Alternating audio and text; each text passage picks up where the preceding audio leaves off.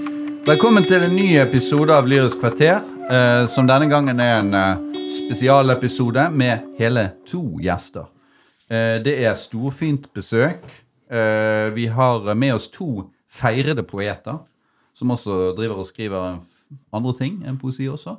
Den ene er Morten Langeland, som er litteraturviter, redaktør, skrivekunstlærer, kritiker, forfatter og ikke minst poet. Velkommen. Takk, Frode. Eh, dernest har vi Erlend Nødtvedt, som er nordist. Eh, biblioteksmedarbeider for Bergen kommune. Tidligere redaktør i Vagant. Forfatter og poet. Hei, Erlend. God aften. De har da begge med seg hvert sitt dikt som de vil diskutere med oss eh, nå eh, om et øyeblikk. Ellers har vi da eh, som vanlig Jørgen Seiersted. Hei òg. Og så har vi meg, Frode Henrik Pedersen. Tema for dagens episode det er samtidspoesi, og vi holder oss her tilfeldigvis til Danmark og Norge, eh, mens tidsspennet da er ganske nøyaktig 20 år, fra 1999 til 2019. Eh, lyrikerne vi skal snakke om i dag, er Arne Ruste, Yahya Hassan, Anne Helene Guddal og Vemund Solheim Odland. Uh, dette er jo et, uh, tilfeldig utvalg, siden hver av uh, oss har da bestemt sitt eget dikt uten bindinger til de andre. Så det er ikke sånn temaordnet, da.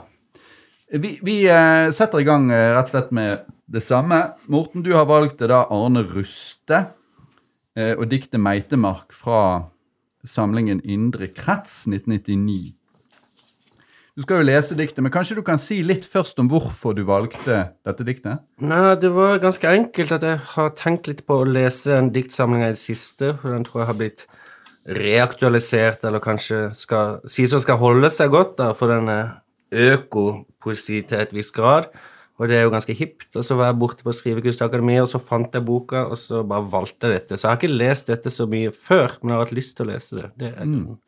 Sånn er det jo ofte at eh, man velger seg ting som man har lyst til å jobbe litt med. Det er altså fra Rustes niende diktsamling 'Indre krets', og det er egentlig et slags comeback for Ruste. Um, han uh, var taus uh, som lyriker mellom 1983 og 1999, da han bl.a. var forlagsredaktør i Tiden. Uh, så, og I tillegg så kan man kanskje si om Ruste at han er en slags sånn insiders tipp, litt, litt sånn forfatternes forfatter-type. Stemmer det? Kanskje. Det er kanskje derfor jeg fikk lyst til å lese den, men Ja. jeg har ikke noe sånn videre kunnskap om biografien, egentlig. Nei. Jeg blander den alltid med alle de der rusettene.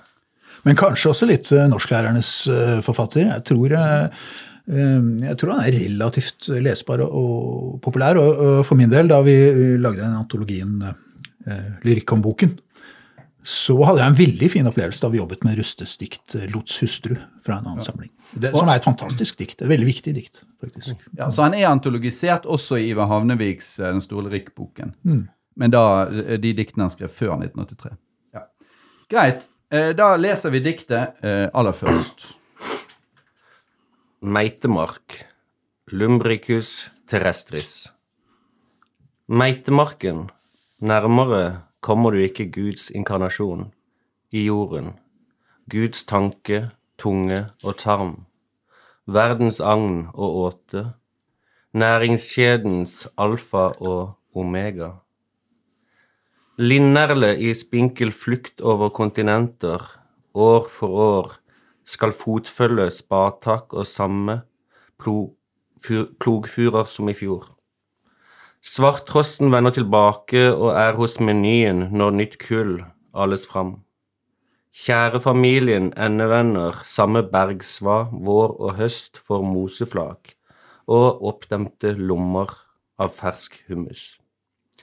Pinnsvin og grevling og frittgående høner høster med iver av et uforklarlig overskudd. Meitemarkens tilsynekomst under steiner og på steder du ikke trodde en mulig nyss. Oppstått av intet, tvekjønnet, reprodusert av ingenting og går i jord. Næret av jord, nærer jord, gjødsler. borer tunnel for oksygen, for vann og røtter. Creator, cultivator. Pint under guttehender og tredd på krok for å lokke den store ørreten opp fra dypet. Tilværelsens gåte, søkt av skriftkloke og dårer. Gå med greip til livets kilde, til bunnen av dyngen, den lune komposten, og løft fram den hodestore kloden. Hold med begge hender om metastasen, den kjøttfargede klasen meitemark, som bukter seg, pulserer og utvikler impulser av energi.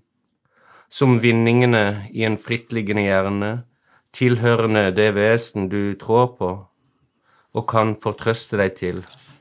Nærmere kommer du ikke. Takk. Eh, har du lyst til å kommentere det med en gang, eller eh?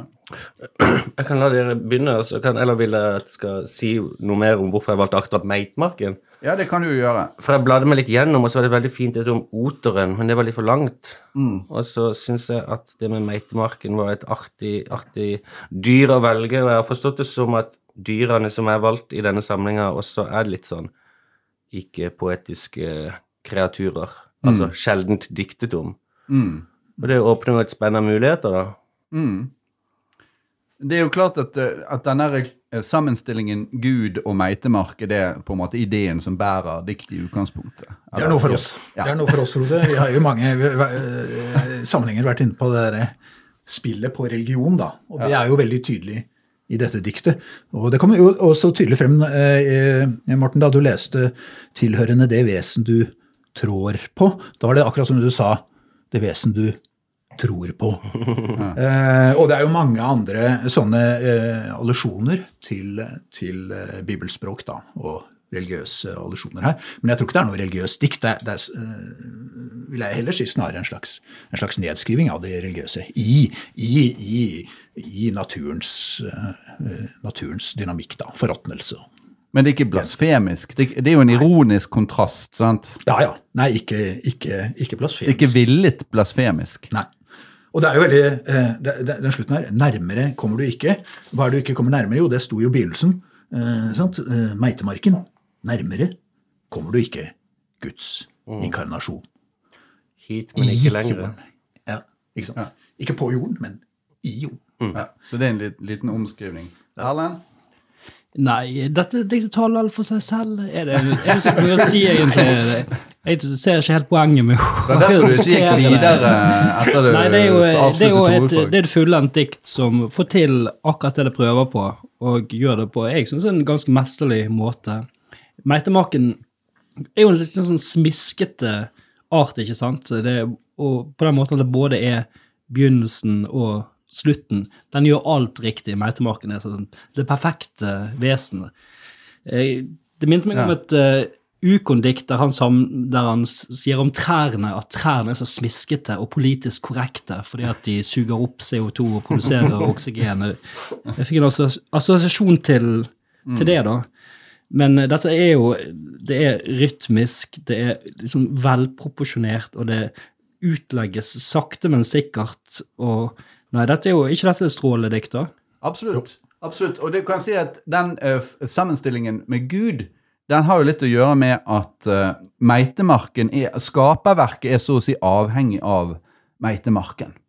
Uh, sånn at den gjennom sitt virke skaper resten av naturen rundt seg. Den gir luft og gjødsel og næring til jorden. Den gir føde til dyr og fugler, og den gir agn til mennesker, og bidrar dermed til at menneskene kan skaffe seg mat. Og det har vi da, forstår vi, dette har noe som har skjedd i um tid. Ja, men jeg, jeg syns det, det går litt kjapt uh, gjennom dette diktet, på en måte. Altså, Ja, vi, vi bare så vidt begynt, da. Å, ja, var begynt, ja. Ja. Fordi at uh, Ja, det, det er jo Altså, midt i diktet, der skjer jo noe litt merkelig. Altså, Meitemarkens tilsynekomst under steiner på steder du ikke trodde mulig. Nyss. Det ordet nyss, det er viktig for meg i dette diktet. Nyss. Jeg liker ikke det så godt, det. Du liker ikke? Nei. Men det er liksom diktets her og nå. Det er liksom det lille romantiske. Er en sånn gammel riksmålsform. Og så Nei, eh, riksmålsform? Det tror jeg ikke. Og, eh, og så, men så kommer det som du eh, bare sørget, oppstått av intet, det stemmer jo ikke. Så der skjer det et sprang. Det, Men jeg var det, det, lurer jeg på om, det lurer jeg på om setter en lite utropstegn, spørsmålstegn. Jeg var ikke kommet så langt. Den er ikke oppstått av intet. Eh, Tilsynelatende oppstått av intet. Ja, det- Og du ser, når den plutselig du ser den under en stein, så kommer den plutselig. Så den fremstår som oppstått av intet. Den er jo selvfølgelig ikke oppstått. Nei, men, i, i, Ja, men Gud er jo eh, skap, den uskapte skaper. Og det blir jo det kreator. men den er, tve, den er tvekjønnet, og slik sett. For å holde oss litt ved akkurat den setningen, og på steder du ikke trodde mulig nyss, er jo veldig fortettet setning. Det er jo et lite hendelsesforløp, bare den setningen. Man kan se for seg at man graver etter meitemark, man skal ut og fiske, og det er ingen meitemark, det er ingen meitemark. Eh, men plutselig er det en meitemark under den steinen. Så det er en, ga- det er en ganske handlingsmettet linje, egentlig. Men er det ikke også at den dukker opp der du ikke leter etter den? Som en overraskelse? At nyss bærer med seg det? Og så er det jo dette motivet med det store i det små og det små i det store er jo et klassisk motiv. Og så er det noe med kontrasten i avstander her som understrekes ved, ja, ved, ved trekkfugles vandring og linæl i spinkel flukt over kontinenter. Og så kan man tenke på de avstandene en meitemark eh, ja, klarer å hvor langt den kommer gjennom en komposthaug i løpet av uh, samme tid. Nei, det så langt? så er det sånne enorme kontraster i, i avstand, rett og slett. Men eh, Ja, OK. eh, Jørgen. Ja, ja, ja, ja eh, andre ting å peke på her. Altså den setningen som jeg nok ville lest eh, hva skal jeg si, sånn, eh, mer, mer sånn latin Kreator, kultivator, pint under. Og da, ikke dere, er så, dere er vel ikke så eh, Ja, ikke sant? Pint under Pontus Pilatus. Det var direkte tabbe å lese det på engelsk, faktisk. ja, pint under Pontius Pilatus. Eh, Men her er det da pint under guttehender, og det er jo da når man tar metmark og bruker det, eh, trer det på kroken da, som måte. Og det, det så jeg et lite essay som, som Rustad har skrevet, at det, er en veldig sivilisasjonspessimisme bak denne samlingen. Det er ikke så tydelig her. Det er, det er en det er, det er en slags men, eh, nesten menneskeforakt. Ja. Sånn at eh, jeg tror det der er- Det er ikke noe sånn idyllisk eh, gutta ute og fisker i, i bekken, men det er, det er eh, altså Pint under Pontus Pilatus, det er jo det guddommelige sin, sin undergang på, på jorden. Altså. Det, er, det, er, et bilde på Ja, men samtidig, hvis du leser videre der sant? Det er jo den apostoliske trosbekjennelse? Ja. som spilles på her. Tredd på en krok, det tilsvarer da korsfestelsen. Ja. Eh, så, men så, for å lokke den store ørreten opp fra dypet Altså, det ligger ikke noe skurkaktig i å lokke store ørreter opp fra dypet. Eh, Jeg vet ikke. Nei, det syns jeg er for poetisk til at det skulle være noe negativt å drive på med. Og vi må jo ha mat, tross alt. da. Ja, ok da. Det er ikke det verste. Altså, jeg mener, du kan, du kan gjøre mye galt med naturen, men det å lokke en ørret uh, opp fra det store dypet for å spise den, Ja. det må være greit. Ja, men jeg tror likevel ja, allusjonen til Pint under Pontus Pilatus, korsfestet, død og begravet. Ja, for Jeg tror ikke helt på at, det, at den tredd på krok er en pendant til eh. For hvis du skal liksom følge den videre, så betyr jo å lukke den store ørreten opp fra dypet frelsen. Og det syns jeg er å trekke det vel langt. Jo, frelsen ligger jo i, i maten. Ja. Det er jo den konkrete frelsen. Men så har jeg lyst til, lyst til en annen ting, for det er en annen ting som jeg leste i essayet som, som, ø, som han skrev da, Ruste. Han skrev mange interessante ting der. Han sa at han, han er, hans, hans poesi er det motsatte av rabiate påhitt. Og at fantasien er en veldig overvurdert del av litteraturskapingen. skriver Han Han vil skrive veldig jordnært og konkret, og ikke bruke symboler, faktisk. Det er minst mulig symboler. Men det er jo ett sted her hvor han bare ikke klarer å dy seg, og det er altså når han har denne her svermen av av metemark i en sånn klump, så står det jo øh, 'som vinningene i en frittliggende hjerne'. Så der er, der er en simile, rett og slett. Altså en sammenligning. Ja, men, men la meg Er- Blir det litt upoetisk? La meg si det spør, ja, nei, men nå må jeg spørre. Det der med at inni den komposthaugen ligger det en svær ball med meitemark. Leser dere det som et realistisk bilde? Ikke, ikke er vi over her i noe helt annet. Er det ikke fortsatt knytta til en jordklump? Er det bare en ball, en klase med et løse En klase Når du, når du graver ned i din lune komposthaug, der hvor det er en slags indre sånn varme fra, fra gjæringen, da, så, så kan de ligge i klaselignende Som en sånn ormebol? Ja. ja. Og Jeg tror det er det, og det blir bildet på Men det går, han går litt Ja, ja, ok, hva sier du Men det er ikke så mange meitemark oppi der, da. Det er jo to eller tre eller fire. Det er ikke som et ormebol som, som Du, nei, nei, jeg har googla dette her. Jeg har sett, det, jeg lever bilder sånn, av eh, hjernelignende klumper av makk. Å, jeg mener det, ja. Ja, ja det, det, det, det, Jeg har en, eh, et spørsmål her til det du sa. Uh, At det er sivilisasjonskritiske. For jeg tenker at det står Og kan fortrøste deg til. Altså den kiasmen, da. Nærmere kommer du ikke, som begynner å slutte diktet. dikte. ja, ja, ja, ja. Eh, jeg opplever jo ikke dette som uh, hva skal jeg si, lakonisk fra poetens side. Jeg opplever det som faktisk i verdens rikdom, i kompostens fylde, så kan du menneske fortrøste deg. Dette er nok. Ja. Det denne side er bra nok. Moder jord. Men jeg er enig i det. Men det, det er et slags sånn erstatningsreligiøst. Altså, altså det, er, det er det at, at forråtnelse og nyskaping og sånn, det er det nærmeste vi kommer. ikke er det også mulig å lese dette inn i et slags vitalistisk paradigme? Uforklarlig overskudd, impulser av energi. Dette er jo et, ja, et vitalistisk Innenfor et vitalistisk vokabular, helt klart. Er ikke det? Jo, jo, det kan du si. Uforklarlig overskudd. Ja, det er et mysterium Det er en jeg er enig med altså Hvis vi ser at det er en slags eh, en variant av et mysterium. Livets mysterium. Eh, står det ikke noe sånt? Det står livets kilde, sant? Og så står det at det er tilværelsens gåte, og det er livets kilde på bunnen av dyngen. Og så er det en hodestor klode. Der har du altså både jordkloden, du har hjernen, du har hodet, eh, og så har du metastase, altså en kreftsvulst, i tillegg. Ja, Den syns jeg er litt vanskelig. Metastasen. Ja, ja, men den ser sånn ut også. Du kan, du kan, du kan google det også. Ja, jo. Og så ligner den. Tolker du at kreften plutselig hopper inn her? Ja, kreften er jo også altså Jf. det du sier om vitalismen, kreften er jo også en vekst. Eh, og hvis vi er helt Hvis vi på en måte er helt ikke-humanistisk nøytrale, så er det jo på en måte Altså, så er jo kreften også en slags Men brukes begrepet metastasen om andre ting enn bare kreft? Ja, det, det jeg har jeg aldri sett. Men, men metastasen er jo når kreften sprer seg, så det er jo en form for en slags negativ pollinering, eller hva man skal si, en, en videreføring av noe som vokser, som er et slags liv, da. Men det er et, det er et negativt bilde, da, selvfølgelig, her. Ja, er det det? Ja, dette Kreft er sjelden positivt, men, men eh, ja. jeg sleit litt med Ja, men hvis du, hvis du er eh, misantropisk nok, så kan jo kreft være Kreft være en del av Ja, det er en del av syklusen. Ja, naturen er også kreft. Ja, og det vokser som bare det. Når man er gammel nok, så skal man ut. For da skal nytt liv komme. Ja. Det er klart.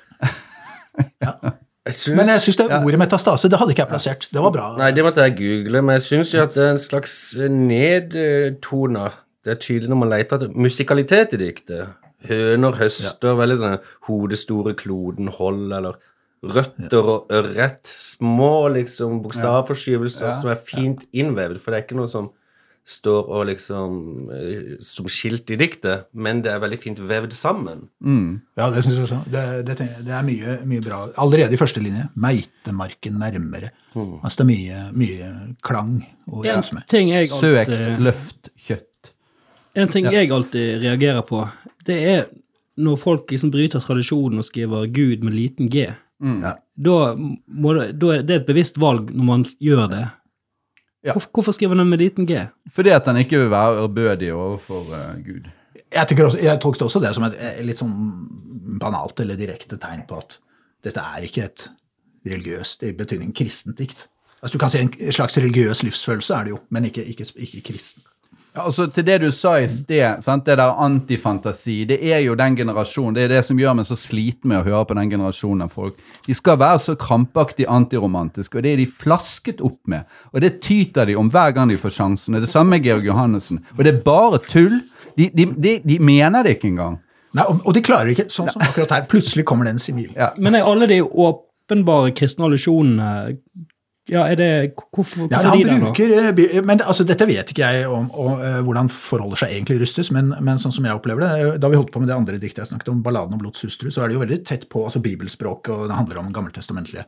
Men har ikke han studert religionshistorie eller noe? Ikke et eller annet sånt? Han har holdt på faglig med religion? Ja, det har ikke jeg svar på. Ja, ok. Det får, eh, det får lytterne. eh, Ja, Lytterne får sende inn til uh, frode.pedersen, alfakrøll.uib.no. Men det er klart, å jobbe med det religiøse språket og jobbe med bibelspråket, det forutsetter jo ikke noe eh, konfesjonelt eh, innhold. Nei, men? Sånn at det er jo bare en veldig viktig del av, av kulturen, på en måte. Men, men vi må snakke om andre strofer. Det er ikke noen som har sagt Ingen har sagt noe om fuglene, Frode. Ingen har sagt et kvekk om andre strofer. Det er en ganske lang strofe. Og der har vi altså linerlen, svarttrosten, skjærefamilien, eh, pinnsvin og grevling og frittgående høner. Frittgående høner er økologiske. ja, det gir veldig økologiske assosiasjoner nå, og det tror jeg vel gjorde i 1999 òg. Tror du ikke det? Jo, jeg tror det.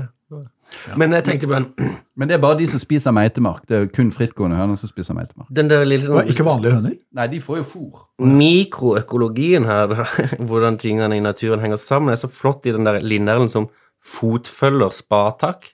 Mm. Altså den avhengigheten av det menneskelige arbeidet i fuglens liksom matfat. Ja. For, for de, de endevender jorden, sant? Og, og svarttrosten er jo òg Svarttrosten er jo bedre kanskje til å grave etter uh, meitemark enn lineelv, vil jeg tro. Det er lenger nebb, ja. Jeg syns det er veldig flott den linjen linerle i spinkel flukt over kontinenter. Det er noe veldig sært, eh, sart, sart med linerler, men, men det blir jo en liten digresjon her da, i forhold til, men kanskje en kontrast da, til metemarken. Og så er det jo noe med at mennesket nesten jevnstilles med andre arter her. Mennesket er så vidt innom med plogfuren, ikke sant? Ikke det første besøket der. Mm, Og så, ja, alle de andre artene plukker opp meitemakken meitemarken på lik linje med guttehendene som skal ha meitemarken for å fiske med. Det er en helt sånn klar sammenstilling her, der mennesket ikke har noen forrang overfor de andre artene. Og, og eh, jeg leser det i forbindelse med Gud, at alle disse skapningene er avhengig av meitemarken på, på samme måte som man så mennesket og skaperverket som avhengig av Gud. Alle disse må ha meitemark. for Og det står jo næringskjedens alfa og omega. Men, ja. men, men ja, nettopp. Og alfa og omega, hvem er det? Det er jo Gud. Først og sist. Ja, men så Gud, det- det- det er men, jo- men det var en ting, eh, Erlend, apropos det du sa om menneskets Det tror jeg er veldig riktig observasjon. da, men det er helt sånn tilbaketrukken indirekte menneske. og det, Dette diktet står jo også i den samlingen Indre krets, som er da Det er tolv dyredikt med sånne korte svardikt, pluss ett. Og det er da om mennesket, på en måte, men om en mumie, da. Eh, så, sånn, at, eh, sånn at mennesket har en slags litt sånn utskutt posisjon i det universet som samlinga tegner som helhet, og som ble gjenspeilet, som du observerte nå i, i dette diktet. Men jeg tror samtidig vi er nødt til å forfølge en en sånn Jesus-symbolikk her, da. For i andre linje så står det jo Guds inkarnasjon i jorden, og Guds inkarnasjon på jorden er jo Jesus Kristus, ikke sant? Ja. Og alfa og omega og så videre.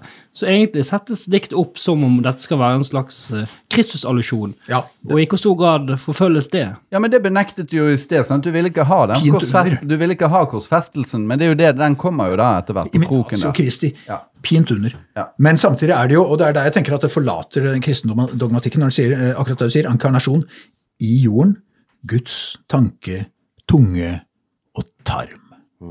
Guds tarm. Ja, det er sjelden. Det, Den har det, ikke vi da, tenkt på da, da forlater vi på Nei, vi har ikke tenkt så mye på den. Så da går vi litt ut av, ut av på en måte den kristne litteraturen og, og inn i en litteratur som bruker, leker med det språket. Men det er klart at det med tarmen blir jo, det blir jo på en måte, for det, fordi det er jo forråtnelse som en del av gjenskapelsen. Ja, Og at tarmen ligner på en meitemark. Ja, ikke sant? Ja. Så, så, og den ligger jo også som en sånn kvern. Og der har du jo hele den derre uh, The gut brain. Eh, det er jo en eh, ny, ny, en nytt ja. populært tema i vitenskapen. Um, tarmen er sin egen hjerne. ja. Kan vi zoome Dette var helt nyere inn? enn dette. Jeg syns jeg var tidlig ute på det. Ja, ja, ja. Men se på dette. Verdens agnåte, altså verdens A til Å før alfa og omega. Det er noen nylige speilinger her. Ja, ikke sant? Agnåte, alfa og omega. ja. Ang, ja nettopp. Vi skal zoome skikkelig helt inn da, og late som han er redaktør. Linerle i spinkel flukt over kontinenter. Får du mye ut av spinkel der, Frode? Ja, jeg gjør faktisk det, fordi at Linell sin flukt er på en måte spinkel. Det er ikke en robust flukt. Hvis du ser på Linell, så er den veldig sånn at det er så vidt den flyr. Eh, liksom. Han går veldig sånn i buer, og så faller hele tiden. Det er ikke, det er ikke en albatross, for å si det sånn. Det er utrolig at det er en trekkfugl. Ja. Se på den. ja. Men du sier linerle, ikke linerle. Nei, jeg heter linerle. uh, ja, men altså, jeg, jeg syns vi har fått mye Vi har ikke sagt så mye om pinnsvin og grevling, men det er, blir jo litt det samme. da. De graver i jorden og de finner meitemark og koser seg med det, vil vi tro. Også, Ja, det er jo det uforklarlige overskuddet. Det er jo noe det er jo noe med feiringen av av jordens eh, rikdom, på en måte, i, den, i dette perspektivet. Da. Dy- dy- Dyrenes perspektiv. Så er meitemarkene et uttrykk for jordens rikdom. Vet du hva, jeg, vet du hva? jeg også sa da jeg googlet dette, en metemark som var tre meter lang. Ja, Nei, jo. det der er sånt som mine barn pleier å komme med. Som de har også funnet ut, sånne ting som det der. Men jeg ser nå hvorfor jeg leste dette latinske på engelsk. Det er fordi det blir creator, cultivator, pint. Pa- oh, ja. eh, Øl? Ja, riktig. Det er kreativt. Det er med hodet ser, eller øye- øyet ser føren. Ja, en pint. Ja. Uh, en pint i guttehender, der hører han ikke hjemme. uh, kommer litt an på. Nå må vi videre, tror jeg. Ja, nå- Ja, nå, må du, nå må du strømme skøytene. Komme oss litt oppå. Greit. Nei, men jeg syns vi fikk mye ut av Ruste, og jeg syns vi fikk gjennom denne samtalen bekreftet eh, at eh, Ruste er en, eh, en stor poet. Og så har vi eh, Yahya Hassan. Eh, det er jo da en diktsamling som slo ned som en eh, bombe i Danmark i 2013. Eh, det var jo en Det ble jo en enorm bestselger, jeg tror en stor overraskelse for eh, forlaget. Eh, og ble jo da oppfattet som en del av den virkelighetslitterære bølgen. Ble lest eh, naturligvis selvbiografisk. Hassan sa at han var inspirert av Knausgård osv. Det var jo bare et par år siden Min kamp på den tiden. I tillegg så ble det jo et mye oppstuss over at Hassan eh, i denne diktsamlingen fremstilte skyggesiden av oppveksten i en innvandrerfamilie. Han hadde palestinsk bakgrunn og har levd med en voldelig og vel ødelagt far. Eh, han skrev også i denne samlingen at han pisset på Allah. Eh, og det var jo ting som falt i veldig god jord blant islamkritiske liberalere i Danmark. De hadde jo nettopp eh, vært gjennom den der karikaturstriden. Eh, og det var blitt ganske polarisert eh, stemning i offentligheten der. Og Hassan skrev seg rett inn i det. Ble veldig populær blant de der eh, liberalerne eh, da. Og, og, men selvfølgelig tilsvarende upopulær i muslimske miljøer. Og så var det for oss som eh, altså den, i, i hvert fall i litterære miljøer så ble det snakket en god del om denne Athena Farrokhzad, den iranskfødte svenske poeten, som eh, anmeldte samlingen eh, sterkt kritisk, men da på rent ideologisk, nærmest strategisk grunnlag. Det vil si at hun ville ikke ha skrevet dette. Hun var sterkt imot å kaste bensin på det islamofobe bålet, så å si, på den måten som han gjorde. Han skrev at faren var håret som en gorilla, og litt sånn ting som ellers hører hjemme i rasistiske beskrivelser av arabere. da. Eh, Men samtidig hadde hun en liten sånn forsonende gest i den anmeldelsen. Hun ville gjerne snakke med Hassan om hva han, hva han hadde tenkt og sånn. Men, men hun mente at det var strategisk feil. Eh, hun skrev å gjøre vold begripelig ut fra forklaringsmodeller som hun selv vil bekjempe. Eh, det er like ødeleggende som vold selv. Et eller annet sånt. skrev hun. Ja. Eh, men uansett så gjorde disse diktene sterkt inntrykk på veldig mange da de kom, og vi har her med oss åpningsdiktet 'Barndom', som er et litt sånn stand-alone dikt her, da. Eh, eller som iallfall er mulig å antologisere og mulig å lese separat. Eh, jeg leser eh, originalen. Den er jo gjendiktet av Pedro Carmona Alvarez, men jeg leser originalen, men på bergensk. da. Jeg skal ikke prøve å etterligne Hassan, og heller ikke prøve å snakke dansk. Det er vi glad for, Frode. Ja, takk. Barndom. Fem børn på rekke og en far med en kølle. Flergræderi og en pøl av piss. Vi stikker skiftevis en hånd frem for forutsigelighetens skyld. Den der lyden og slagene rammer. Søster der hopper så hurtig, fra den ene fot til den annen. Pisset er et vannfall ned av hennes ben. Først den ene hånd frem, så den annen. Går det for lang tid, rammer slagene vilkårlig. Et slag, et skrik, et tall. 30 eller 40, til tider halvtress. Og et siste slag i røven på vei ut av døren. Han tager bror i skuldrene, retter ham opp, fortsetter med å slå og telle. Jeg kikker ned og venter på det blir min tur. Mor smadrer tallerkener i oppgangen. samtidig med at Al Jazeera TV-transmitterer hyperaktive bulldosere og fortørnede kroppsdeler Gaza-stripen i solskinn. Flagg blir brent. Hvis en sionist ikke anerkjenner vår eksistens, hvis vi overhodet eksisterer når vi hikster angsten og smerten, når vi snapper efter været eller meningen. I skolen må vi ikke tale arabisk. Der hjemme må vi ikke tale dansk. Et slag, et skrik, et tall. Ja.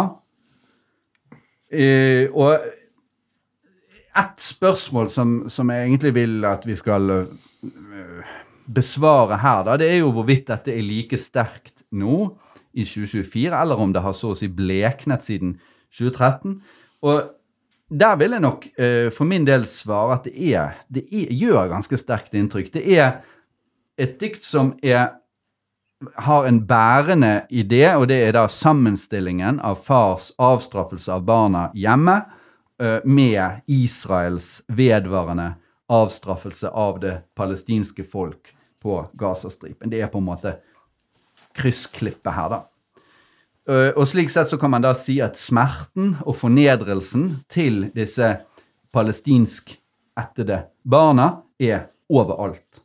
De er hjemme, de er i verden, de er på skolen, de er overalt. Og det går på eksistensen løs.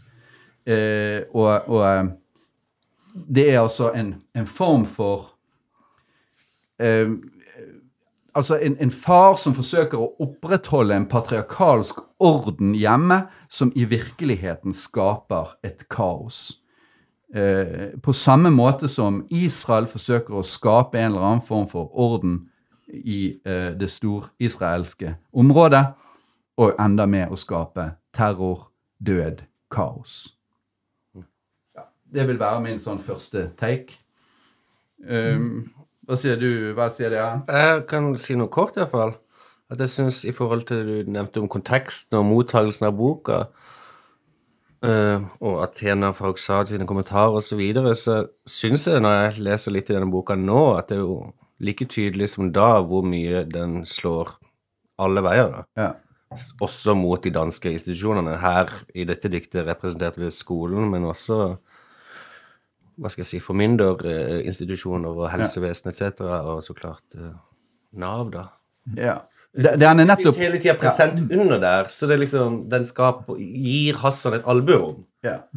Og, og det, som hun, det, som er, det som da ikke egentlig går inn på Athena, folk sa, det er jo hvilke estetiske konsekvenser hadde det fått hvis han hadde lyttet til hennes råd. Han er jo, Styrken i dette er jo nettopp at den føles totalt ærlig. Dette er min erfaring, dette er min verden. Mm. Ja, Det er, det er rått, sånn sett. Ja. majusklene framhever, den er jo satt i bare store bokstaver, denne boka. Ja. Og du spurte om det holdt seg like godt. Jeg kan huske jeg studerte, litterat- jeg studerte i Göteborg på den tida da denne boka kom, og så kom det en dansk jente som spurte har du lest dette. Altså, den, var, den solgte sånn i Danmark på en uke. Jeg hadde ikke hørt om det. Så husker jeg åpna og tenkte sånn Hva er dette for noe knekkprosa-aktige Ja, greier? ja. Mens nå er de poetiske kvalitetene mye mer opp i dagen for meg, altså. Ja. Fordi det er større aksept for dette narrative drivet og skyte fra hofta, jeg. Ja. Oh, ja, ja, så du mener det har, det har skjedd en liten forandring i selve det poetiske landskap eller klima? Eller større aksept for det som vi for 20 år siden ville kalt knekkprosa. Ja. Jeg sier jo ikke at dette er det på noen som helst måte, men det er liksom Jeg tror det ikke går i den retninga. Ja. Ja. Jeg, jeg syns jo Jeg syns også dette er eh, et sterkt dikt som jeg tror kommer til å stå seg som, som dikt. Um, det er jo ikke så typisk for samlinga som helhet, altså den som heter Yahya Hassan, eh, hvor det er veldig mange dikt som, som går inn i et, en fortelling, da, fortellingen om oppvekst og, som, som du var inne på, Morten. Eh, konflikt med det danske samfunnet, ikke minst som man jo ofte, ofte kaller pedagogerne. Er, er litt sånn. Ja. det er de som er på en måte, som representerer ofte det danske overgrepet. Da. Eh, men også eh, kriminalitet og, og hvordan han selv eh, driver med kriminalitet osv. Og, så, og de er jo, der er det jo mange dikt som jeg vil si ikke er, ikke er veldig sånn autonome. Veldig, ikke veldig sånn dikt som kan stå av seg selv. eller de, er, de har ikke så veldig mye form og gjennomarbeiding. De er, de er sånn fortellende. Og så er- avslutter den jo med sånn langt langdikt, som jo er litt mer estetisert igjen. da, Et litt annet, mer sånn poetisert språk. Men jeg, men jeg syns kanskje at i hvert fall for vårt bruk så er det jo dette første barndom som, som peker seg ut, og som er, som er strukturert da, som et dikt. Og du har jo vært inne på mye av det. Det er jo eh, selvfølgelig barndom, det er jo begynnelsen på fortellingen, denne, denne liksom selvbiografiske fortellingen, og, og bakgrunnen for det. Det ligger jo i tittelen allerede. det er jo sånn. Uh, men det er klart at hele første halvdel av diktet så går det jo ikke fram Det går ikke fram eh, helt direkte, i hvert fall, at, det- at det er noe postkolonialt eller noe, noe sånn migrasjonstematikk. Siste halvdel, eh, hvor Gaza kommer inn, så kommer det inn. Men det, det, det første er jo et veldig klaustrofobisk bilde av en, en stor familie, fem barn og faren, eh, i et rom, kan du si. Jo, men det hvor det er altså vold og Men jeg mener at det er ett ord som avslører det postkoloniale. Flergrederi? Ja. Det er diasporaen. Ja, For det ikke skjønner sagt- man etterpå. Du ville ikke sagt flergrederi hvis du var i Palestina. Eh, altså hvis du er i en kultur... Nei, Nei, det er et eller annet med at du der har du en avstand til den kulturen. Men, For det er flerkoneri er ja, jo da sant, det spiller på flere flerkoneri. Ja. koneri. Nå vet jeg ikke om hvor vanlig det er i Palestina. Nei, det var det jeg begynte å lure på. Det, det Nei, kan det være jo- mormonere. det- Men det er jo vanlig. Eller det er jo, det er jo eh, Det er ikke uvanlig i muslimske land å ha eh, flere koner. Men, men Jeg har selv vært i en familie hvor det var flere koner. Tror jeg I skulle Iran. Skulle si at du har selv hatt flere koner. Ja, nei, men det, her, må vi ta de, her må vi ta de suksessivt. Ja. Men det har ikke jeg Men, men i hvert fall, så, så altså, det er jo dette med, med dette pisset, da, ikke sant? Det er, jo, det er jo ganske en pøl av piss, og piss er et vannfall ned av hennes ben. Det er noe veldig, det begynner da i noe veldig klaustrofobisk, og senere i samlingen så, så dukker jo disse søsknene opp igjen. Eh, Men, men her er de jo veldig, veldig i denne familien, og så kommer altså ordet 'jeg', som jo er veldig sentralt i hele samlinga. Det, det dukker jo ikke opp før eh, litt under midten av diktet, hvor det står 'jeg kikker ned og venter på at det blir min tur'. Et, et angstfullt Han ser tilbake da på et angstfullt eh, passivt jeg, som jo blir et veldig aktivt jeg eh, gjennom samlinga. Eh, og så kommer den utvidelsen av det rommet altså, som, som TV-en bringer inn, og så er det Al Jazeera. Ikke minst eh, mora. Ja, og TV. som står utenfor, ja, altså i oppgangen som det står, da beveger vi det oss ut av dette rommet. Der står hun eh, med sin formålsløse protest, da, på en måte. Smadrer tallerkener. Som er det Faren står kaoset, ødeleggelsen. Ja, ikke sant? Ren, ren ødeleggelse som er reaksjon på et overgrep som hun ikke kan gjøre noe med, som er faren Jeg har av og til lest det som at hun smadrer tallerkener for å skjule lyden Ja. av Å, ja, ja. overgrepet. Altså, Å, det har iallfall den mulige lesningen også til seg. Ja, absolutt. Sier du det? Som gjør det mer Ja, ja, det har ikke ambivalent. Men så klart, mora er jo en nær figur i denne boka. Mm. Nærere enn faren, iallfall. Erlend. Jeg syns det er vanskelig og ubehagelig å lese dette eh, uten Fordi at Jai Hassans skjebne er så present, og jeg husker med gru hvordan man nesten kunne livestreame hans Ja. endelikt Ja. minutt for minutt. Og ja, hele hans biografi og hans ungdom og med, ja, med den store sens sensasjonen han gjorde, at han selger i bøtter og spann, og er, frem, er liksom både på Gyllendal med jakkesett og med skuddsikker vest i Hva heter det? Trillebyen? Trikkebyen? Nei, hva heter det? Trillegården i Århus. Ja. ja. Eh, Disse her voldsomme kontrastene mellom, mellom inne og ute, og Ja. Ja, det er selvfølgelig det bejaende fra kulturen og København, at her kommer noe sånn utilslørt, ekte gate, Ja. helt sånn rått, 19 år gammel. ja. Og så ja, hans senere mislykkede karriere som politiker. Alt dette henger eh, Ja, det, hele diktet er liksom sånn fylt opp med, med Hassans skjebne, da, for min del. Men det er jo den kumula- kumulative effekten av samlingen som helhet jeg tenker er styrken her. At som enkeltdikt så er det den, Ja. Det, man har jo også hørt han lese opp denne messende, ekstremt gode opplesningsmåtene det, som er rytmisk, som ja, man kan jo tenke at det mimer en slags koranresitering, samtidig som man åpenbart er skolert innenfor en sånn dansk opplesningstradisjon og har bakgrunn fra forfatterskolen og har åpenbart på en eller annen måte funnet en eller annen ja, eh, At han også er i kontakt med tradisjonen hele tiden også, da. Så jeg blander litt Så kommer jo denne oppfølgeren, Yahya Hassan 2, Kan dere huske det? Var det liksom mye var det akkurat det samme på nytt igjen, eller hvordan var det? Ja, det kan Jørgen kommentere, for Jørgen eh, satt og leste den eh, her i sted. Nå nettopp, ja. Ja. Ja, Det var jo ikke det samme sjokkeffekten eh, da den kom. Den er jo også veldig biografisk. Mm. Uh, altså, så det, den, er, den er poetiske kommentarer til hendelser som samtidig, eller like før, så å si, hadde utspilt seg i, i offentligheten. Ja. Dette at han blir, uh, han havner i klammerier, uh, skyter jo en, en person, skader en person, kommer i fengsel osv. Alt, det- alt det er på en måte kommentert fortløpende i dikt som vel som ikke hadde, hadde ikke det samme, samme gjennomslaget, selv om det er, det er jo en utvidelse og en fortsettelse av, av denne samlingen. Men, men, han var, men han var jo en sånn person som brente lyset i begge ender, for å si det med Kirkegård. Altså, han var en sånn selvdestruktiv eh, skikkelse, eller en bright star, som brenner for sterkt, lever for sterkt. Og, og sånn sett så går han jo inn i en kultur av de, de unge døde, da. Men, men altså, jeg tror at det, det blir stående altså, eh, Fremdeles, når, når årene går, og, og det blir mer, mindre sånn påtrengende med hans personlige skjebne og, og det er jo veldig sterkt å liksom gå og google og se han opplesninger. og se han. Eh, men som årene går, så blir, blir det lenger i bakgrunnen. Men, det, men dette kommer til å være et viktig verk som, som jo uh, setter ord på det som er jo en uh, veldig, veldig eh, dyptgripende på en måte samfunnshendelse.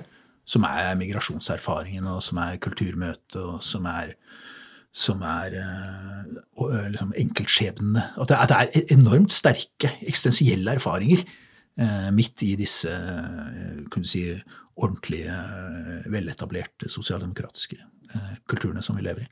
Så, og det, det er jo et av de mest sterkeste og på en måte kanskje mest autentiske uttrykkene for det, og alle, alle ambivalensen i det, og, og dette at aggresjonen går i alle retninger. og eh, Jeg tror det kommer til å bli stående, faktisk. Så Morten? jeg tenker dobbelt. Jeg tror også det blir stående, også fordi det gjør vel inntrykk også på unge lesere, vil jeg tro, den dag i dag. Eh, Men jeg tenker litt det ubehaget som Erlend var inne på. Jeg tenker også mye på det. Altså, du sier han brant lys i begge ender, men altså, han ble jo plukka opp av de innerste elitene og dytta fram. Ja. Og så, og så, Virkelig. Og han var et barn. men han motsatte seg det. Og så fikk, ble han straffet. Han, han ville ikke være eh, kjæledeggen til danske liberalere, kort og godt. Og han var vel, hadde noen veldig sterke TV-øyeblikk der han sa fra på en, på en ekstremt velartikulert og fornuftig måte. Eh, Og det- og hvor han var, hvor han var en radikal, han fremsto som en radikaler, ikke en liberaler. Og den motstanden kom jo også fram i, i disse diktene her, og, ja. blant annet i siste diktene. Etter hvert gikk jo diktene hans også litt sånn- Eller tonen gikk jo ut av permene og ja, eksempel inn på Facebook, der han nesten i, i samme gir og med samme energi og i samme formspråk nesten ja, fortsetter å berette om sitt liv, da. Så det er noe det, Han er jo et slags gesamtkunstverk der eh, ja, alt spiller eh, opp. Og det, det er vanskelig å lese dette her eh, løsrevet fra myten, selvfølgelig. Ja. Men, jeg, men hva syns dere egentlig? At, at, at akkurat dette diktet, i motsetning til mange andre, er jo tenker jeg, veldig gjennomstrukturert, og liksom det slutter det slutter liksom med, med språkliggjøring, altså som, som du leste da i skolen, må vi ikke tale arabisk. Altså, det er jo dansk, da. Vi, Ja. vi får, ikke, Får ikke lov. får ikke lov til å tale, tale arabisk. Der hjemme får vi ikke lov til å tale dansk. Et slag, et skrik, et tall. Og da har du liksom tellingen, du har orden, du har volden, du har skriket, det uartikulerte, liksom språkliggjøringen som, som ikke er tilgjengelig, da. Og, eh, tallet, ja, som igjen er, igjen er liksom denne tilsynelatende orden som denne faren Ja. desperat prøver å skape hjemme, eh, som, som er en helt voldelig og, og blir helt feil orden, fordi den store orden utenfor er, er annerledes på en måte og ikke tilgjengelig for han. Eh, så, så er dette for struktur... I hvert fall, det er jo veldig annerledes enn de andre diktene i samlingen, for det er så det er liksom estetisert. Ja, ja det, det, er, det, det kan du si, et slags autonomt dikt på én måte, men, det er, men du kan ikke lese det som vi nå har vært inne på, du kan ikke lese det uavhengig av hans biografi, og den, det, det sprenger på en måte det autonome der. Sant? Sånn at, Men det, det som han lager der, det er jo den at, at faren speiler og repeterer sionistenes overgrep hjemme. Eh, og og det, er, det gjør at du får en, en sånn slags sånn kiastisk, eller en, en avrundende struktur der. Eh, eh, s- Du begynte med det der med at det er viktig det der, Utvidelsen fra morsmadre tallerkener Al Jazeera, så klart. altså Det nydelige Gazastripen i solskinn. Jeg syns Ja. altså, det var det korteste verset i um, det gjør diktet veldig mye sterkere, for det får to nivåer. Ja. Det får én ting, det er en slags speiling, men det er også Det kommer på en måte TV-lyder inn i leiligheten, i dette klaustrofobe rommet. Det blir flere instanser å forholde seg til, istedenfor bare det derre 'her er en situasjon'. Ja. Og den dobbeltheten er kanskje noe som ikke går igjen gjennom hele boka. jeg vet ikke. Men det er også Men, men det der Det der skriket, det, det leser jeg opp mot sant? Hvis vi overhodet eksisterer. Og det er klart at hele den samlingen insisterer på hans ekstremt sterke eksistens. Mens han lever i en situasjon hvor hans eh, identitet er på en måte visket ut både ute og hjemme. Eh, og dermed så stilles det spørsmål ved om det i det hele tatt fins et palestinsk folk. Om det fins et Palestina, osv. Eh, hvis vi overhodet eksisterer, det er stilt spørsmål ved. Og det er et skrik som bekrefter at det gjør vi. Det syns jeg er ganske sterkt. Men det der med flagg blir brent, det er vel det er jo eh, palestinske protester mot, mot eh, eh, Det var jo på den tiden da de brente danske og norske flagg og sånn. Ja, var det det? Ja, det har jeg lurt på akkurat, hva det, hva det sikter til. Jeg tror det kanskje at dette måtte være 2009 cirka, at han ser dette på TV og er ca. 15 år. Ja. Det passer, Det var- Da var det jo stor greie på Gaza i 2009. og Store. Ja, ja, ja og, og, og 2008. De der flaggene ble vel brent litt tidligere. altså Den karikaturstriden var vel 2005. eh, ved høsten 2005 eller noe sånt. Rundt der. Jeg har lurt på det med flaggene, eller om det er palestinske flagg som blir brent, eller hva det er, men eh, jeg vet ikke. Israelske. Israelske flagg. Ja, ja det, det, jeg, jeg, har, jeg vet ikke, men, et, et, Men det, for det, det, assosiasjonen går til uh, den, den uh, muslimske verden som brenner vestlige flagg. altså. For det er jo den der Hvis en sionist ikke anerkjenner våres eksistens du kan si, det vi, Første gang vi dukker opp i, fjerde, i tredje linje, så er det jo vi, det er familien, så, eller det er søsknene, da, egentlig. Og så, og så er det jeg, og så der nede så er det vi. Og da er det jo det palestinske folk. Våres eksistens. Eh, og flagg blir brent hvis en sionist ikke anerkjenner det. for. Så jeg, jeg har tenkt at det må være det palestinske flagg, men, men eh, jeg vet ikke det. Eh, du, eh, hva- Vi må videre, Jørgen, så har vi sett på jeg skulle akkurat spørre, Hva syns dere om hyperaktive bulldosere og fortørnede kroppsdeler? Det, det, det skiller seg litt ut. Det høres litt sånn strunge Ikke sant? Da blir det plutselig liksom beskjelinger og Men, men det, er jo, det, er jo, det er jo israelske bulldosere. ja, ja, ja, ja, ikke sant? Det er jo deres de, de, ja, Og de er hyperaktive. Ja. Fortørnede kroppsdeler. Det er et sterkt bilde. Et- Ja. Neste det er Anne Helene Guddal. Det er et dikt uten tittel. Det er avslutningsdiktet i denne samlingen som heter 'Døden og andre tiggere' fra 2016.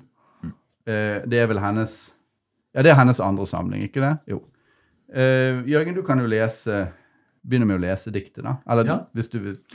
Nei, ja, jeg kan jo godt si at uh, ja, det var vel jeg som valgte uh, dette diktet. Ja. Uh, og Guddal, jeg, jeg syns at sant, Det er mange som skriver litt på den måten. altså En slags modernistisk minimalisme med litt sånn tragisk, depressiv livserfaring, en slags eh, halvveis kjærlighetserfaring, problemer med det og sånne ting. Så det er noe, det er noe ganske konvensjonelt der. Eh, eh, Samtidig eh, så, så syns jeg faktisk at Guddal Eller dermed blir det bare viktigere å peke på de som på en måte Får det til. får det til, ja. Ja. For det er vanskelig sant, å få det til. Å få eh, språklig presisjon og få intensitet liksom, eh, som virke, hvor det virkelig fungerer. da.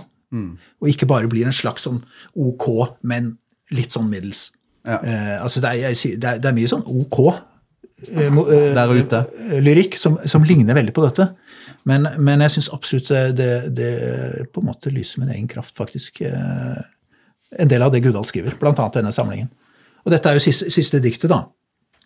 Ja, i, I en samling, ja, som du sa, 'Døden andre tiggere', som jo, som jo har et narrativt element i samlingen. Det er et jeg og et du og en, en kjærlighetsfortelling og, og forskjellige sånne ting som ligger litt under, men, men det er autonome dikt, eller, eller det er sånne, sånn selvstendige dikt. Sånn som jeg, sånn jeg tenker på det.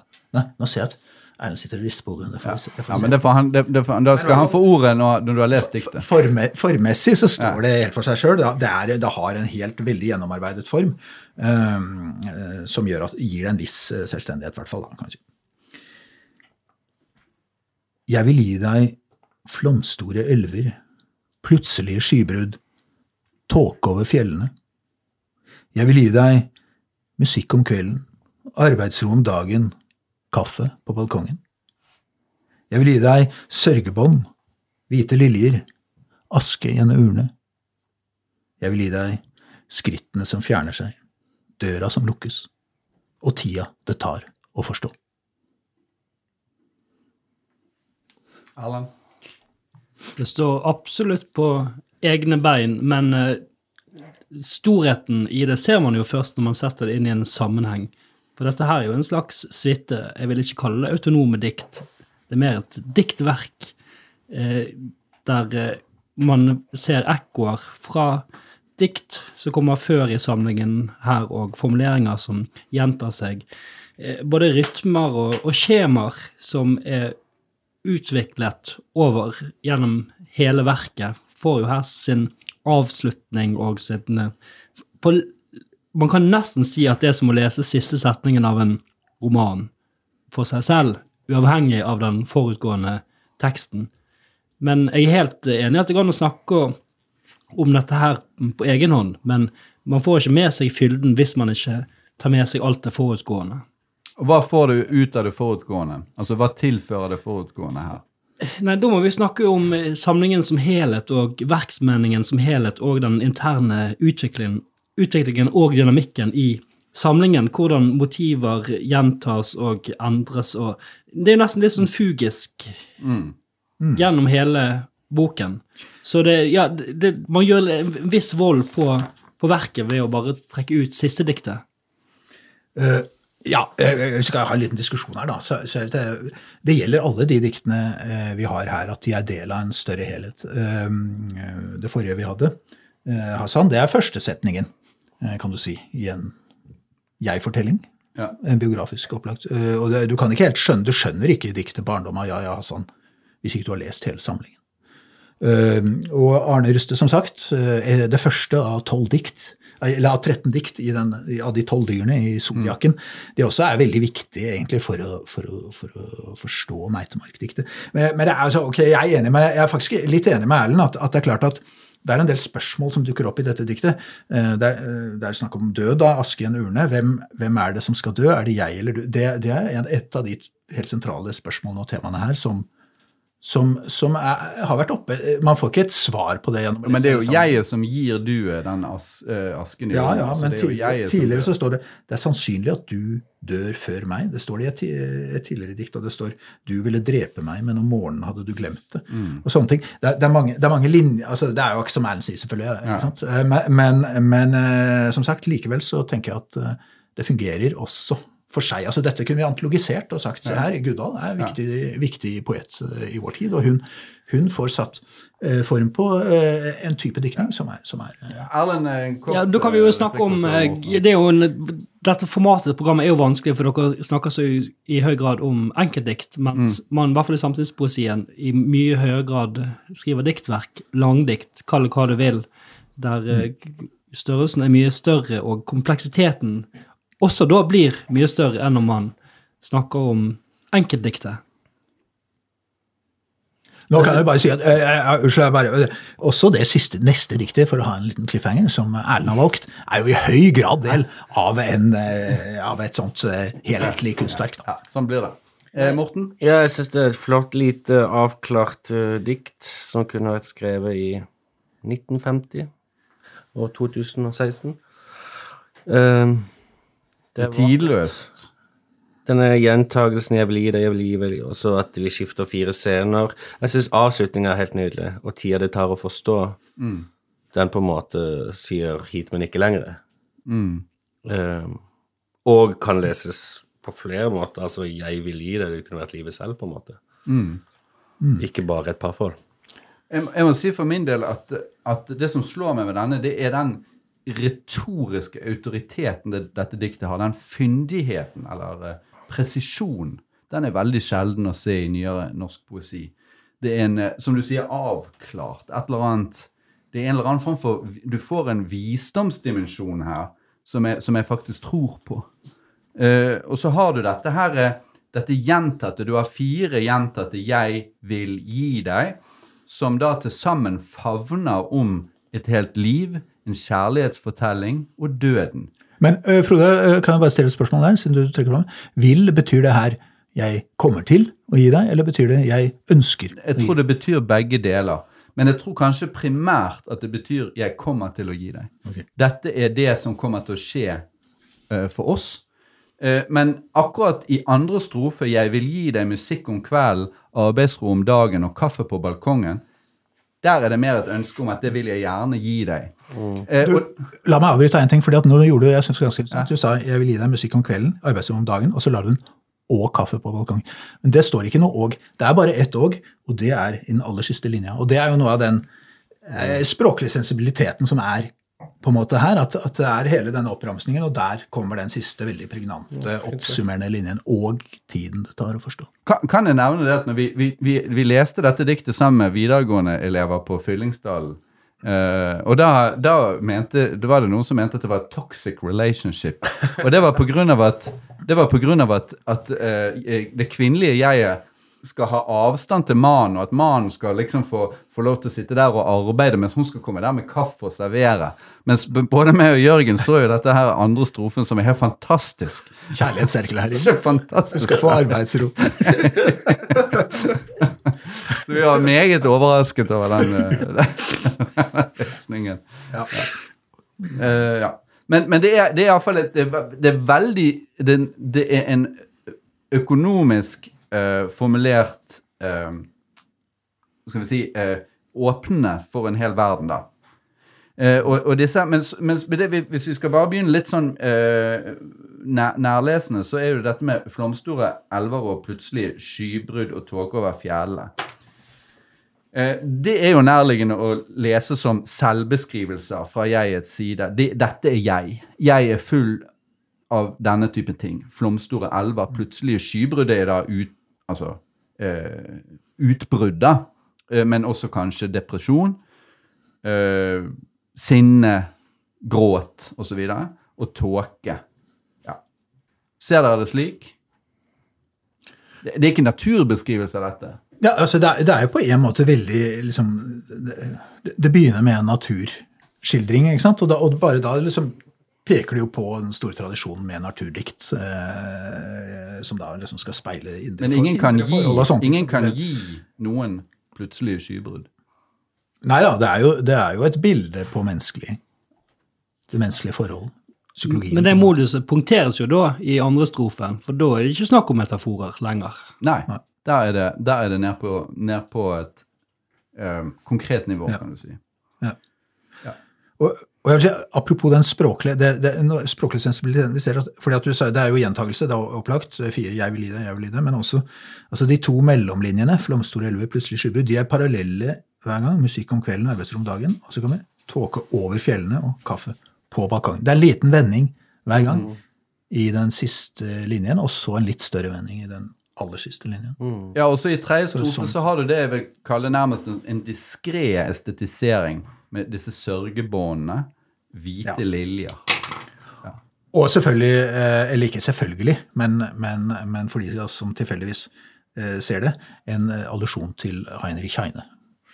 Und die Spuchlein ist die, Spuch... Det, er- det er jo en kjærlighetsdikt, altså, ja. da, fra, fra, fra den Lieder av Heinrich Heine, Ja. hvor det da er om et kjærlighetsforhold som har brent ut. Og så står det 'Dis Buchlein ist die Urne mitter Asche meiner Liebe'. Denne lille boken er urnen med asken. Men, men, men leser du Er ikke, er ikke det en allusjon her? Jo, det tror jeg I nok. hvert, fall, I hvert fall hvis du først faller på det, da. Det tror jeg nok, Men aske i urne leser jeg mer konkret som, som et døds... Ja, det er jo også, det er klart det er en begravelse her. Sørgebånd, hvite liljer og aske i en urne. Og du tenker at det er jeget som Jeg tenker at det er et, et, et jeg som forutser sitt eget selvmord, egentlig. Eh, faktisk. Hvorfor det? Nei, fordi at du gir det. Eh, det- Dette er det som kommer til å skje. Du, jeg vil gi deg min død. Det betyr ikke at jeg har lyst til å gi deg min død, det betyr at det er det som kommer til å skje til slutt. Men, men det kan òg leses metaforisk som bare at vi kommer til å gå fra hverandre. Men, men jeg tror at eh, jeg tror nok at døden er såpass sterk her at, eh, at det suicidet er, er for meg en, i hvert fall en veldig sterk assosiasjon. I den lesningen så er jo egentlig siste setningen ganske grusom, da. Absolutt. Og tida det tar å forstå. Jeg har jo vært veldig ambivalent til den siste setningen fordi han, forstår, han fremstår litt sånn punchline-aktig, og ja, det er et annet modus i han. og han jeg tenkte at han punkterte noe først, da. men hvis jeg går med på din lesningen, så er jo det en slags dom om at den, den gjenlevende skal ja, bruke årevis på å fundere og prøve å finne ut av hva det var som gikk galt her, og hvorfor den, eh, hva som skjedde, da. Ja. Så det, hvis din lesning er riktig, så er det jo en helt eksepsjonell grusom siste setning.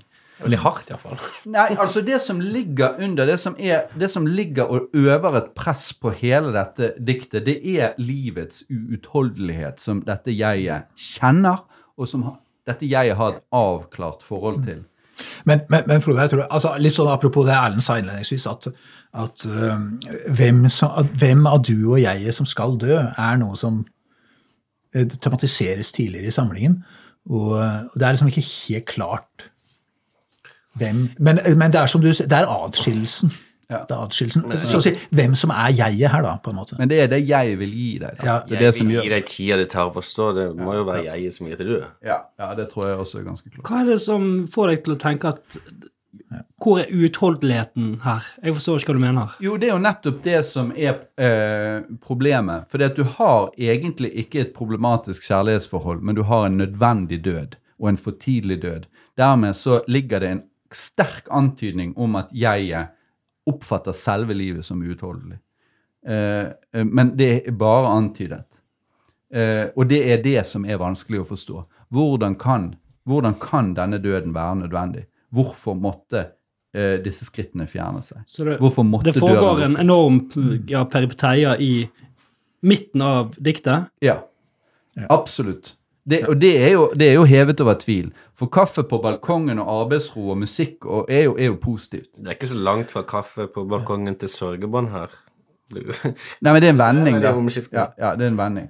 Ja. Det er en vending, selv, selv om, eh, selv om eh, altså Åpningsavdelingen er jo ikke, er jo ikke idyllisk, egentlig, da. Eh, Flomst. Nei, men det er rimelig vital, da. er det ikke det? Flomstorelva, plutselig skybruk tåke over fjellet. Ja, det, det syns jeg. Det syns jeg, og det, og det, og det vil jeg, det vil jeg rett si som, eh, som eh, eh, menneske at jeg vil ikke ha veket tilbake for et sånt kjærlighetsforhold. Uh, uh, Flomstore elver og sånn. Da, da er jeg med. med. Ja, men tåke Jeg vil heller det enn å kjede meg. Tåke også. Det er romantisk Stengte fjellovergang. Stengte fjellovergang. Nei, det er et sterkt dikt. Jeg vil gi deg døra som lukkes. Ja. Ja, det er flott. Jeg vil gi deg Ja, det, det er veldig antologiserbart uh, uavhengig av uh, samlingen, vil jeg si. da.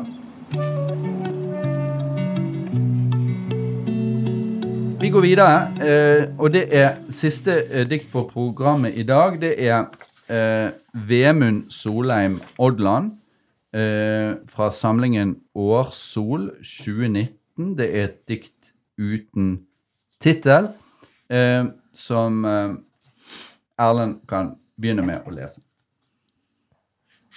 Øde, ung, tung, nedsaftet, oppsaftet, nysøtet, nystelt, ustelt jenteblikk. En ny, nyrenset uvane. Nysåret, utstøtt, ustøtt, formstøttet, utsmurt. Jeg er sur, tilsmurt, hes. Sunn. Nyslanket, ubøyd, lyseblå. Jeg har en usløvet høyrød sagtann. Ny, urenset, finere, friere lyd. Nyspisset jentetann. Gammelt, nyglemt, øyesurt, tørrkokt vannfag. Nyere, nyrenset luft, svart fleecegenser, våt, melkehvit lue, en enkel, ufri lov. Jeg har begrenset med luft og varmt, lyst, varig vann. Jeg styrer en nybuet sølvblank hinnebløt vinsprut og en stivere renset vannstråle fram, inn og hjem mot en tørr mørkeblå og grå tannskål. Taus gryte, grov, våt tannskatt, rov, øde unge. Ja, man fikk jo faktisk en følelse av at, eh, nest, at du nesten kunne ha skrevet det sjøl. Ja, det tenkte jeg altså. Ja, hadde jeg eh, hatt noe å fare med, så kunne jeg kanskje ha kommet opp på dette nivået, da. Jeg syns dette her er blant det, mest, det beste som finnes på av den norske samtidslitteraturen. Dette er noe helt eget. Det er virkelig originalt. Og ja, det er så formfullendt, og det er noe med disse lydkategoriene og meningskategoriene som, som går over og inn over hverandre, og måten han liksom lar språket Språket, da. At det er ordaffinitetene, at det er ett lyd av Lyden av ett ord minner om et annet ord, og at det er rett og slett eh, ja, språket selv og lyden av språket som foretar betydningsforskyvningene og konstituerer meningen. Og hele samlingen er Jeg syns det er helt vidunderlig, og det er urkomisk, og det er ømt, og det er svart, og Ja, dette har eh, alt jeg eh, ønsker meg av en diktsamling. Nettopp i dette antydede, åpne, ikke-avsluttede ja, Han gjør jo egentlig romanforfattere De burde jo Overflødig. ja, nesten, da. Eh, For det er noen måte, på den måten han klarer å gjennom boken som helhet å å antyde et forløp og ja, på en måte hele tiden stå på, på randen av mening, som jeg er ja, utrolig imponert over. da. Og det er noe med at ja, det lydlige, at lydene utspiller mening nesten like mye som de peker på det mente, at at lyden av ordet på en måte ikke er bare et arbitrært skall rundt meningen, men en, ja, en iboende del av meningen. Følelsen kommer like mye fra lyden som fra meningen, og det, det er sånne ting som står på spill i denne samlingen, tenker jeg da. Eh, ja, det, det, det er jo um, et oppspill egentlig til vår andre poet her. Jeg er absolutt enig i at vi er på randen av mening. Jeg syns at det på en måte er fullt av nye ord. Det er vokalsammensetninger som er rike på øret. Samtidig så er han veldig god på øh, Hva kaller man det? Tegnbruken. Hva det heter hos dere profesjonelle? Ord... ord øh, tegnsettinger. De, tegnsetting er greit. Nei, men hva er fremmedordet? Um, Det er uansett Altså, tempo jeg er litt, litt usikker på hva du sikter til. men- Ja, uansett. Ehm, Ortografien. var... Den er upåklagelig. den er upåklagelig. Det var poenget mitt. At det gjør noe med tempoet. Han er rytmisk eh, sterk. Eh, og sånn sett en språklig rikdom som på en måte uh, Man må verdsette hvis man er glad i lyrikk, syns jeg, eller litteratur. Men jeg er også enig til en viss grad i at det er humor her. Det er morsomme gjenstander som en svart fleecegenser og en nyspissa jentetann. Og jeg syns jo det er på kanten. Det burde jo vært 18 års Aldersgrense. aldersgrense for disse erotiske tingene på kanten av loven. Det Det er grovt. Ja, det er virkelig I denne ekstremt, og det er noe sånn svartmetallisk Du liksom, over det. det går ikke an å ta seg en slurk vann uten at det virker som de drikker blod eller vin, og de jentene virker veldig unge, jeg vet ikke, det er et eller annet. Men det er den sammenblandingen mellom ømhet og vold og varme og, og kjøret som går gjennom hele, hele samlingen. da. Og så Men ja, det nå snakker dere eh, om hele samlingen. sant? Ja, For- for, for det er ikke så for dette er veldig vilkårlig valgt dikt. Jeg kunne egentlig slått opp på en tilfeldig side. Ja, men det er jo bortimot det første, da. Det er jo par Ja, sånne dette er i begynnelsen, Ja. da universet på en måte etableres. Og, nei, men det er det at jeg, jeg tror det var Øyvind Elnes som skrev om Emil Odland at han utmanøvrerer romanforfatteren. Han har et dikt i Jeg husker ikke helt om det var i denne boken eller i forrige, Grovt øye, som går ti år på lakenet, to år på do, seks år i fengsel. Der er romanforfatteren utmanøvrert allerede. En miniroman. Men det er sånne enkle begrep, altså ordsammenstillinger som på en måte har en voldsom rike på gammelt, nyglemt. Øyesurt, tørrkokt vannfag. Altså det, det er akkurat som det hele tida nærmer seg en voldsom presisjon. Man må inn og over i en helt annen eh, modus. En helt annen persepsjonsmodus. Man må ja, skrelle av seg det professorale og gå i møte dette med, med en, en, åpenhet. Da, som man, Mener du at eh, pro- professorer ikke åpner i møte med ditt? Ja, det er jo, rystende. Eh, Jørgen, Ja, ja, du er kanskje litt mer skeptisk, da? Eh, ja, jeg, jeg syns jo, jo at eh, Erlend var vel- veldig eh, raus, da. Men, men, men, men jeg, altså, jeg, jeg, jeg har jo prøvd å jobbe litt med det, det diktet. Jeg syns at eh, det er jo et fascinerende dikt, og det er jo en veldig språkfølelse. Og, og hvordan han jobber med, med som kaller neologismer, da, nydannelser, og, og særlig i dette.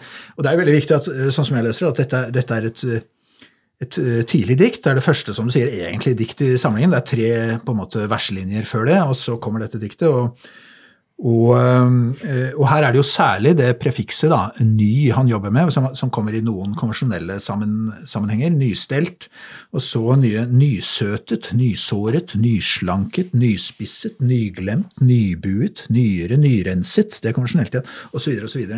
Um, så det er noe med en begynnelse her. Det er noe med ny som er viktig akkurat dette diktet. Uh, og som jeg, jeg leser i sammenheng med at det er begynnelsen. Det er en begynnelse, men det er jo en begynnelse det er en begynnelse som kanskje ikke er så veldig lovende begynnelse, kan du si. Eh, For han er jo samtidig utsmurt, sur, tilsmurt, hes osv. Han er sunn, nyslanket, men, men samtidig også eh, øyesurt, tørrkokt osv. Sånn at, sånn at eh, det er ikke sant? Fordi at det blir, fordi at Erlend han liksom sier her er du, du er på grensen av mening, og det er, det er jo klart. og det er klart sånn, Når du er, skal undervise i dikt, så kan du alltid bli litt frustrert. Disse diktene som skal være helt inn på grensen av mening. Det, er- det er flere andre, altså Jeg underviser mye i Georg Johansen, f.eks. det er det, det betyr nesten noe. Det, er nesten en slags betydning, som du klarer å det, og så kan du ikke si hva det betyr. og Det vil jo da poeten si er en kvalitet. og Det er en slags kvalitet, men i dikt etter dikt etter dikt så blir du litt eh, sånn lei av det. Da vil, da vil du heller at, at det skal utsi noe, for det er jo et grep som på en måte uttømmer seg i lengden. da. Men, men, men det er klart at her, er- her, er det, her, er det, her er det absolutt nok. Jeg syns faktisk at han akkurat har nok til at dette er eh, veldig interessant, og også litt sånn grenseoverskridende. Det er ikke så tydelig i dette diktet. Det er klart, dette siste yes, eh, dette liksom overskridende, altså at det er, det er noe voldelig, det er, det er noe, det er, det er noe sånn på grensen av det tabuoverskridende i, i mange av de tekstene utover her. Samtidig er det såpass pakket inn, eller uklart, at du, du kan på en måte ikke arrestere noen.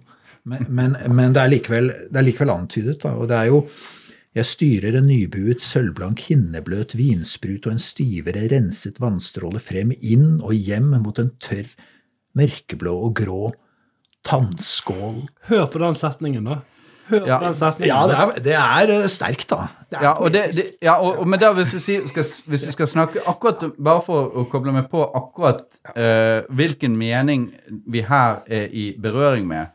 Sant? Vinspruten tyder på at, uh, at, at uh, Det er rusen Frode Dionysisk. ja, ja, ja, men det går inn munnen, sant? Men så går det ut Så går det ut vannstrålen frem. Da tenker jeg pissing.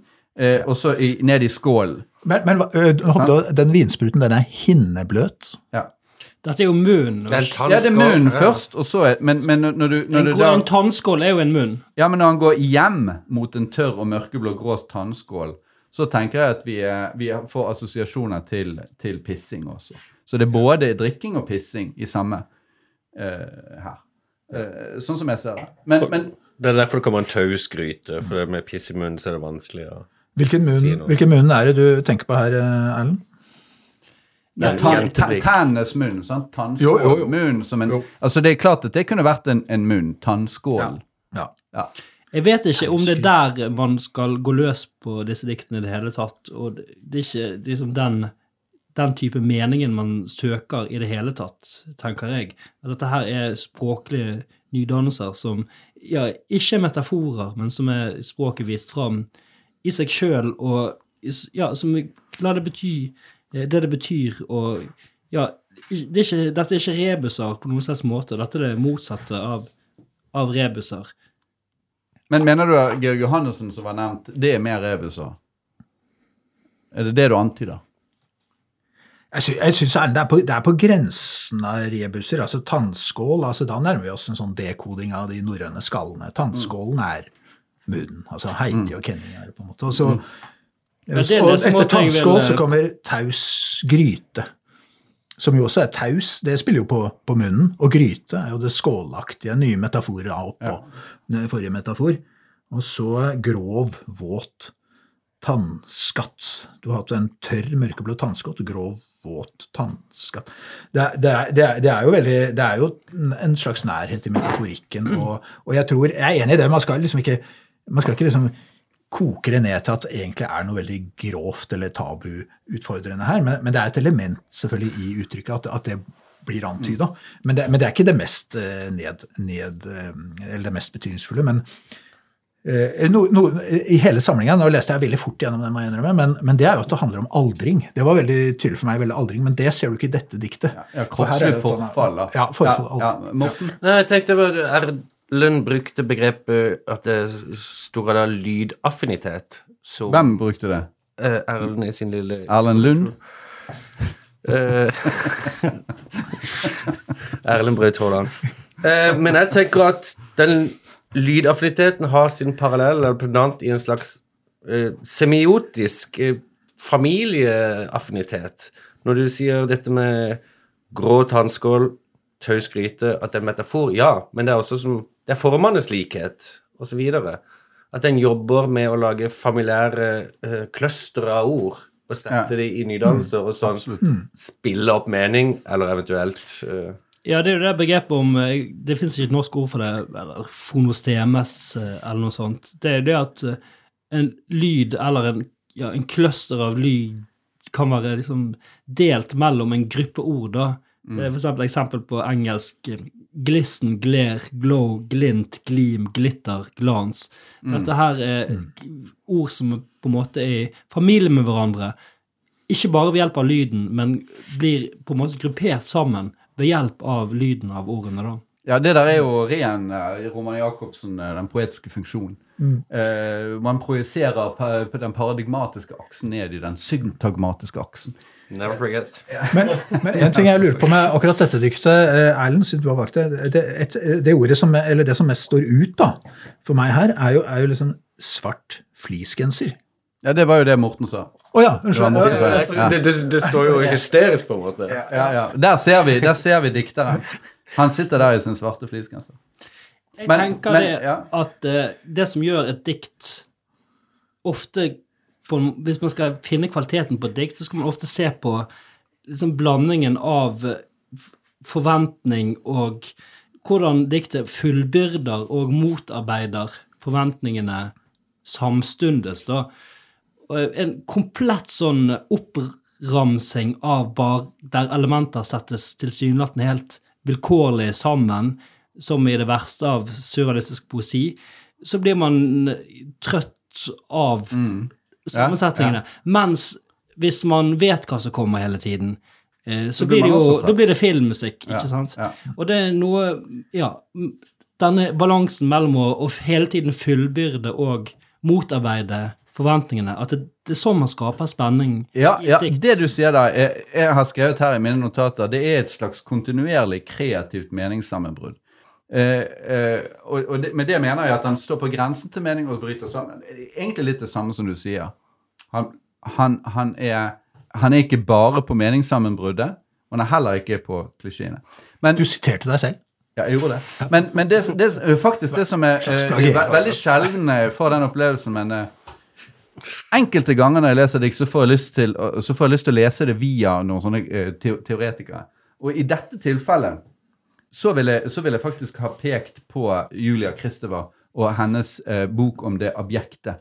Det objektet er liksom det våre kropper som er liksom i grenselandet. Det er negler, hår, sekreter, hudavfall. Alt dette som markerer grensen mellom det som tilhører oss, og det som på en måte ikke lenger er oss. Og som for henne er et sted hvor mening bryter sammen. Og det tror jeg faktisk de, de, de, de, de, de, Det er liksom match made in heaven eh, med Er, Odland. er det og- for mye, siden det heter årsol, og bilde av en svart sol? Svart sol, ja, men det er en annen bok. da. Ja. Men, eh, men, Hva? eh, Nei, men det er uansett så, så tror jeg det er et eller annet med hvordan kroppen spiller inn i et sånt meningssammenbrudd, uh, som, som jeg syns er interessant. Men jeg syns òg det, det ordet som du ikke bruker, Erlend, når du snakker om dette kroppslige ved det, det er jo at det er litt ekkelt. Det er litt vemmelig. Uh, det er disse hudluene og, og, og sånn. sant? Altså Det er liksom forhud Jeg vet ikke helt hva det er. Og sædpakke men det står i linjen før dette diktet. Ja, ja. Jeg syns det med det objektet er veldig interessant, men jeg tenker også fra, på et begrep fra vinsmakingen, siden vi nyter litt kava her. Eh, viskositet. Altså væskens tykkelse, nærmest. Ja. Nedsaftet, tilsmurt, våt, varig vann, vinsprut, renset vannstråle, tørr. Altså det derre analytiske forhold til eh, tykkelsen på væskene som smøres rundt, eh, enten i munnen som vin eller som objekter som urinstråler. ja. Hva er, dette, hva er dette at dette begynner og slutter? Eh, ikke sant? Vi har jo vært inne på dette kiastiske eller klamme, at begynnelsen og slutten er lik. Det er det jo faktisk i dette diktet også. ja. Det er Øde triks. ung og øde unge til slutt. da. En liten, liten variasjon. En liten e til slutt. ja det er mannlig og kvinnelig rim. Ung, Unge. unge. Jeg bare sitter og, og blar i samlingen nå og må gi meg helt ende over. Eh, På hver eneste side så er det noe man ikke har sett før. Og det er jo og det, er- Nå er jeg kommet på dypt vann, men det er en slags mikrotonalitet i dette her. Dette er jo det, det, er det nye fete i folkemusikken.